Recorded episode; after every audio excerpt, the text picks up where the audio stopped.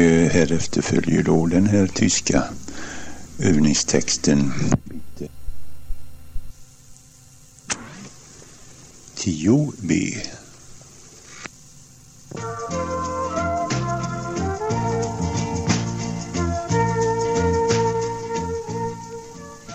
Guten, Guten Tag. Jetzt hören Sie bitte zu. Mein Name ist Hans Neumann. Ich bin Busfahrer, aber manchmal arbeite ich auch als Taxifahrer. Ja, das ist wieder Hans Neumann. Er stellt sich vor. Han presenterar sig. Ja, er stellt sich vor. Und jetzt machen Sie bitte die Bücher auf Seite 72 auf. Sidan 72, övning 10b. Där finns ett kort med en del upplysningar om Hans Neumann. Also bitte Übung 10b.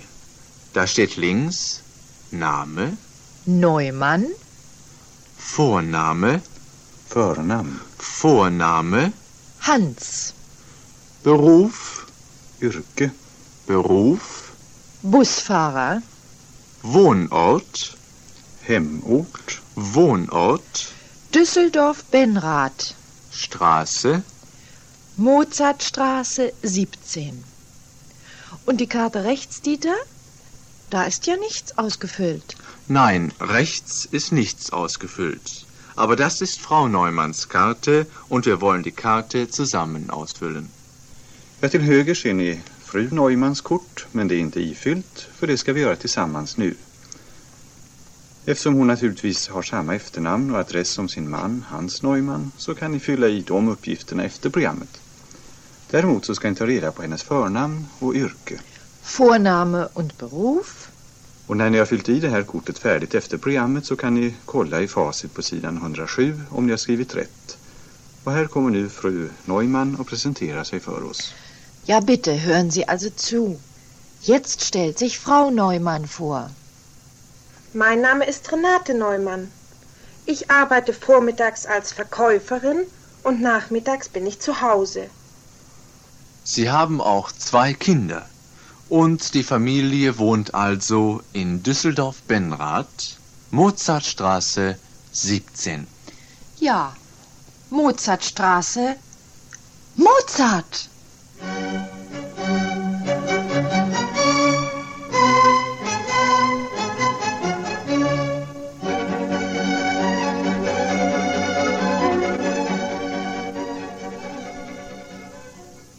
Und hier kommen Günther und sein Kollege Axel.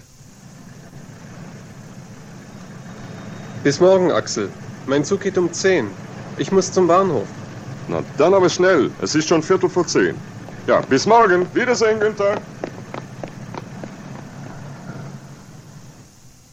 Ja, Dorothea, wohin geht Günther Stein? Er geht zum Bahnhof. Ja, richtig.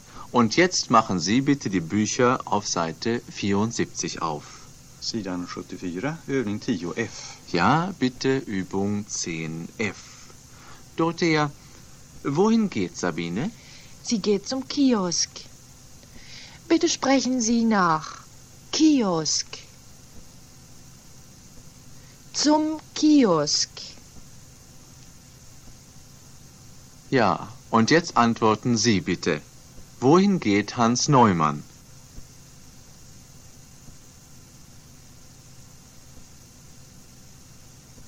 Dorothea? Er geht zum Bahnhof. Und wohin geht Renate Neumann?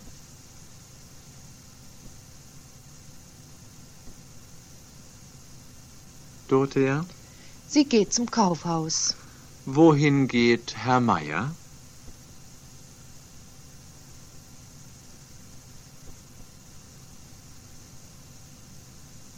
Dorothea? Er geht zum Hotel. Zum Hotel Krone.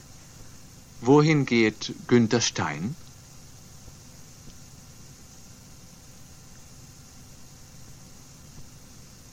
Dorothea? Er geht zum Schwimmbad. Wohin geht Helga Meier?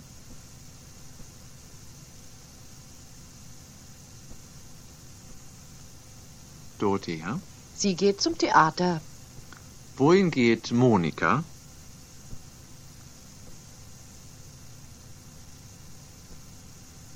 Dorothea?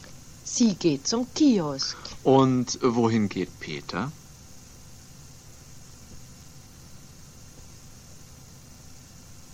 Dorothea? Er geht zum Sportplatz. Achtung! Auf die Plätze! Fertig! Los!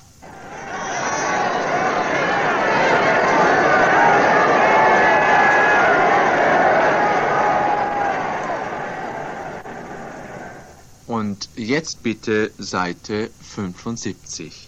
Sidan 75. Ja, die nächste Seite und die nächste Übung bitte.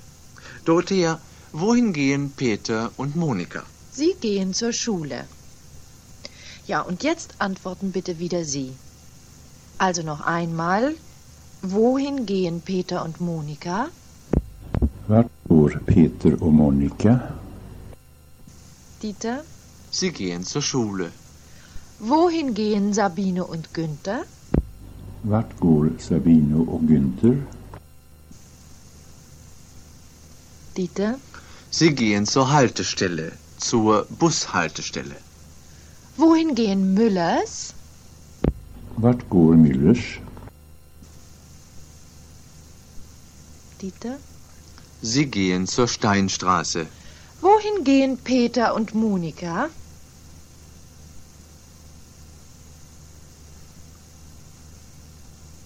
Dieter.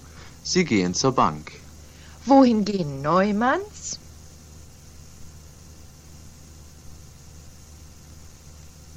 Dieter. Sie gehen zur Post. Och nu ska vi titta på de här båda övningarna en gång till. Om ni tittar på sidan 74, övning 10F, så ser ni att det står get hela vägen. Men om ni tittar på nästa sida, på övning 10G, så ser ni att det står gen. Kommer ni ihåg skillnaden? Formen get används som en person eller sak. Sabine geht zum Kiosk. Der Bus geht zur Steinstraße. Och formen gen används som flera personer eller saker. Sabine und Günther gehen zum Kiosk. Der nächste Bus und der nächste Zug nach Köln gehen um 10 Uhr. Das ist nicht richtig.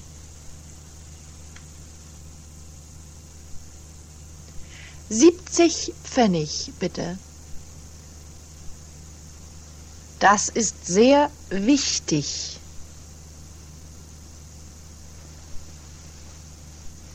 Ja, das ist wirklich sehr wichtig. Was? Dieter, Kaffee trinken ist auch wichtig. Ja, das ist richtig. Komm, jetzt gehen wir. Ja, und trinken Kaffee. Und ich möchte auch ein Eis. Ja, aber zuerst, Dorothea, auf Wiederhören. Auf Wiederhören. När det gäller flertal, alltså flera personer eller saker, är eh, en den viktiga ändelsen. Den hör ihop med både wir, vi, Wir kaufen, wir hören, wir kommen. och sie som betyder de, dem. Och så förstås Zi med stort S som ju används till en eller flera personer som man säger ni till. Sie kaufen, Sie hören, Sie kommen. Och så finns ändelsen T som hör ihop med ir, ni, alltså till flera personer som man är du med. Ihr kauft, ihr hört, ihr kommt. Ich habe gehabt, du hast gehabt, er hat gehabt, wir haben gehabt, ihr habt gehabt, sie haben gehabt, ich habe gehabt, du hast gehabt, er hat gehabt, wir haben gehabt, ihr habt gehabt, sie haben gehabt. Schwer, sehr schwer, sehr schwer. Und jetzt hören wir drei Einkaufsdialoge. Sabine Keller kauft ein. Und in was für Geschäften ist sie? Ja, nu ska ni först lyssna på tre dialoger där Sabine är ute och handlar och sen ska ni säga vilka affärer Sabine är i. Ähm, ja, in was für Geschäften ist Sabine? Ist sie im Blumengeschäft oder im Fotogeschäft oder ist sie im Schuhgeschäft? Also im Blumengeschäft, im Fotogeschäft oder im Schuhgeschäft?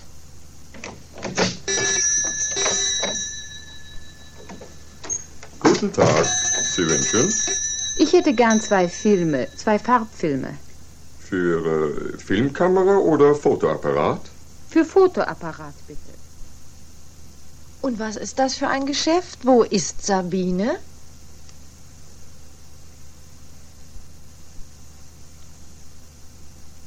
Dieter? Sie ist im Fotogeschäft. Und jetzt das nächste Geschäft.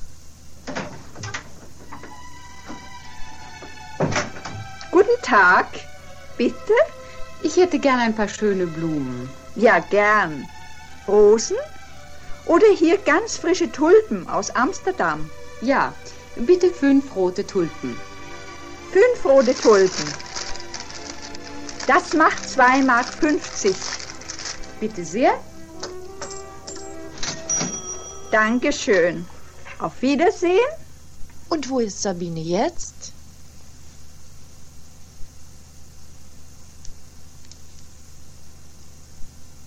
Dieter? Sie ist im Blumengeschäft. Ja, und sie hat Tulpen gekauft. Tulpen aus Amsterdam. Och det betyder förstås... Und jetzt wieder ein anderes Geschäft. Guten Tag. Ich hätte gern ein paar Schuhe. Äh, ein paar elegante Schuhe zum Tanzen. Gern. Hier habe ich ein paar schöne italienische Schuhe. Ja, wo ist Sabine?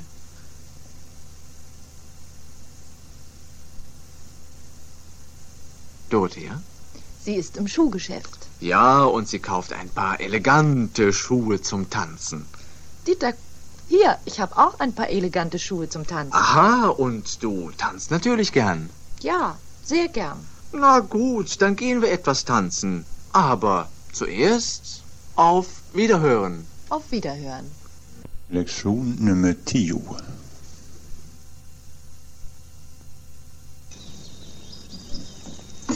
Die da vorne. Was sagst du jetzt? Jetzt machen wir eine Zweizimmerwohnung. Ja, det är inte lätt att få tag på en lägenhet nu för tiden. Och de här två hade kommit på en ganska originell lösning, tycker jag. Och nu ska vi se hur herr och frau Krause försöker lösa sitt bostadsproblem. Ja, Sie brauchen also eine neue Wohnung. Tja, Ja, die Kinder brauchen noch ein Zimmer. Wie viele Kinder haben Sie denn? zwei. Sie brauchen also zwei Kinderzimmer. Ja. Tja, Also eine Vierzimmerwohnung mit Küche und Bad. nicht? Hier haben wir eine Vierzimmerwohnung. Nicht? Groß. Ja, vier Personen brauchen viel Platz. Tja, vier Personen, äh, vier Zimmer. Eins, zwei, drei, vier. Äh, aber äh, sagen Sie, wo ist die Wohnung denn? Moment mal. Ich zeige Ihnen mal einen Film. Schön.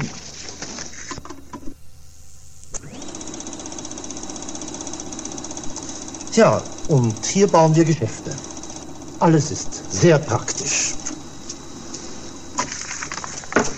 Na, was sagen Sie? Ja, fantastisch. Ähm, aber äh, sagen Sie, äh, wie weit ist es eigentlich zum Zentrum? 25 Kilometer. 25 Kilometer? So weit? Das ist heute normal. Ja, normal, normal. Äh, Das ist zu weit. Viel zu weit, nicht? Und was kostet die Wohnung?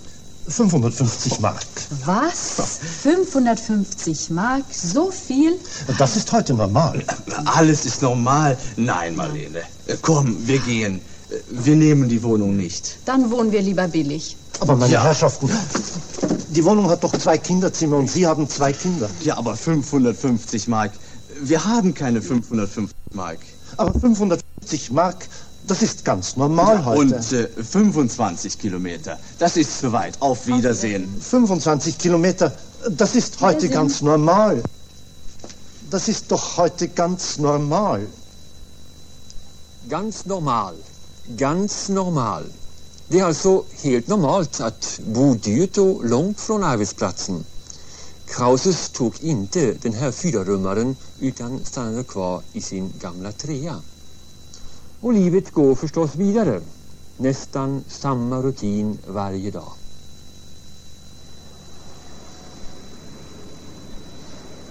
Morgens gehen die Menschen zur Arbeit. Sie arbeiten acht bis neun Stunden und abends kommen sie dann wieder nach Hause.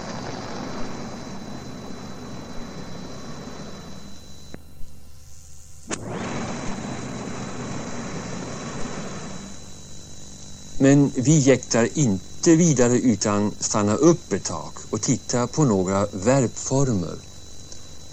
Krauses haben eine Dreizimmerwohnung. Krauses wohnen in Lübeck. Krauses, det är herr och fru Krause med barn, alltså flera personer. Och då använder man verbets grundform som ju slutar på en. Krauses haben. Krauses wohnen. Men Herr Krause wohnt in Lübeck. Frau Krause wohnt in Lübeck. Men när man bara talar om en person så blir ändelsen T. Ni kan göra så här. Ni vet att verbet heter wohnen. Stryk över en och lägg ett T istället. Vånt. Och likadant är det med G. Vi stryker en och lägger till ett T. Det. Alltså i flertal en och i ental T. Här und Frau Krause wohnen in Lübeck. Herr Krause wohnt in Lübeck. Vi övar lite med de här verbformerna. Pass blinken.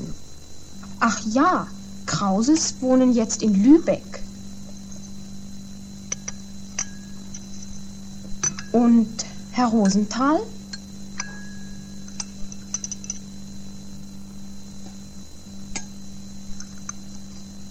Herr Rosenthal wohnt in Köln.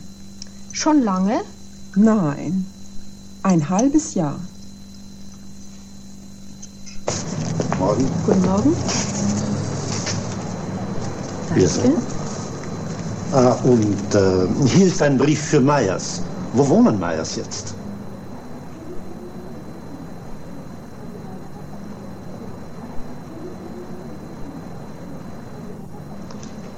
Meyers wohnt in Hamburg. Haben Sie die Adresse? Moment mal. Meyers. Meyers, Hamburg. Hm. Ist das da vorne nicht Fräulein Müller? Moment mal. Ja, das ist Fräulein Müller. Wohin geht denn Fräulein Müller?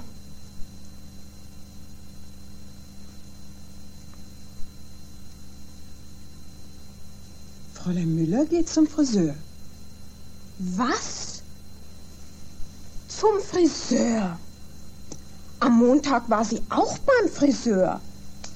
Ja, ja, das Fräulein Müller. Und wir? Wir gehen nur einmal im Jahr zum Friseur. Und wohin ich jetzt gehe? Ich gehe jetzt nach Hause. Also dann bis nächste Woche. Auf Wiedersehen. Música